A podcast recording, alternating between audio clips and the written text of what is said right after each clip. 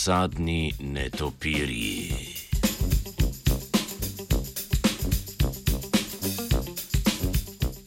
Na današnje hladno jutro se znanstvenim Britofom selimo v sadovnjake otoške države Indijskega oceana Mauricius. Nedavno objavljena raziskava Univerze v Bristolu se je namreč posvetila vplivu letečih lisic na pridelavo tropskega sadja. Ker je velikost populacije te vrste netopirja v zadnjih letih zaradi človeka močno upadla, so raziskovalke in raziskovalci skušali poiskati rešitev, ki bi omilila spor med pridelovalci sadja in letečimi lisicami.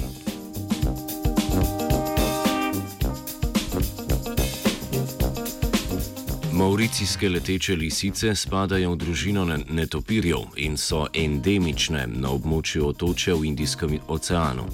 Njihovi ekološki funkciji sta opraševanje velikih dreves in raznašanje njihovih semen, kar ima pomembno vlogo pri ohranjanju izginjajočih otoških gozdov.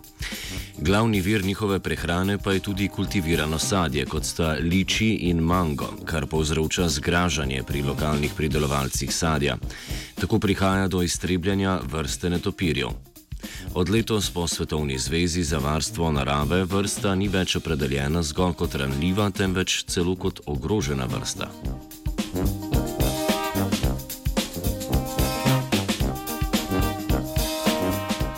V raziskavi so zato preučevali, kako učinkovita je metoda za mreženje dreves z namenom zmanjševanja škode pridelka, ki ga povzročijo netopirji. Podatke so zbirali na območju dveh sadovnjakov ličija in enega sadovnjaka manga. Koliko škode so na sadju tako zamreženih kot prostih dreves naredile leteče lisice, so preučevali z ugrizi v sadju, ki se med posameznimi vrstami razlikujejo.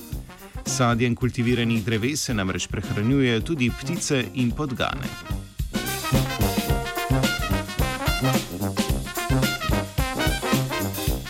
Rezultati raziskave so pokazali, da so leteče lisice vplivali na četrtino pridelanega sadja, predvsem na nezamreženih višjih drevesih. Presenetljivo so rezultati pokazali tudi, da več škode povzročajo ptice.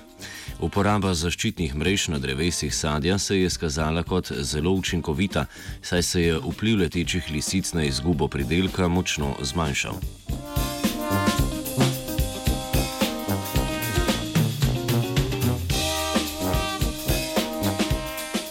Čeprav lokalni pridelovalci sadja na Mauriciusu uporabljajo tudi druge metode odganjanja letečih lisic, je zamreženje dreves najučinkovitejše. Raziskava je pokazala, da sadjem prehranjujoči se netopiri niso glavni krivci za upad produkcije sadja, kar ob ustrezni predaji informacij raziskave lahko vpliva na preživetje populacije te ogrožene vrste. Na Mauriciusu bi sadje jedel tudi Sebastian.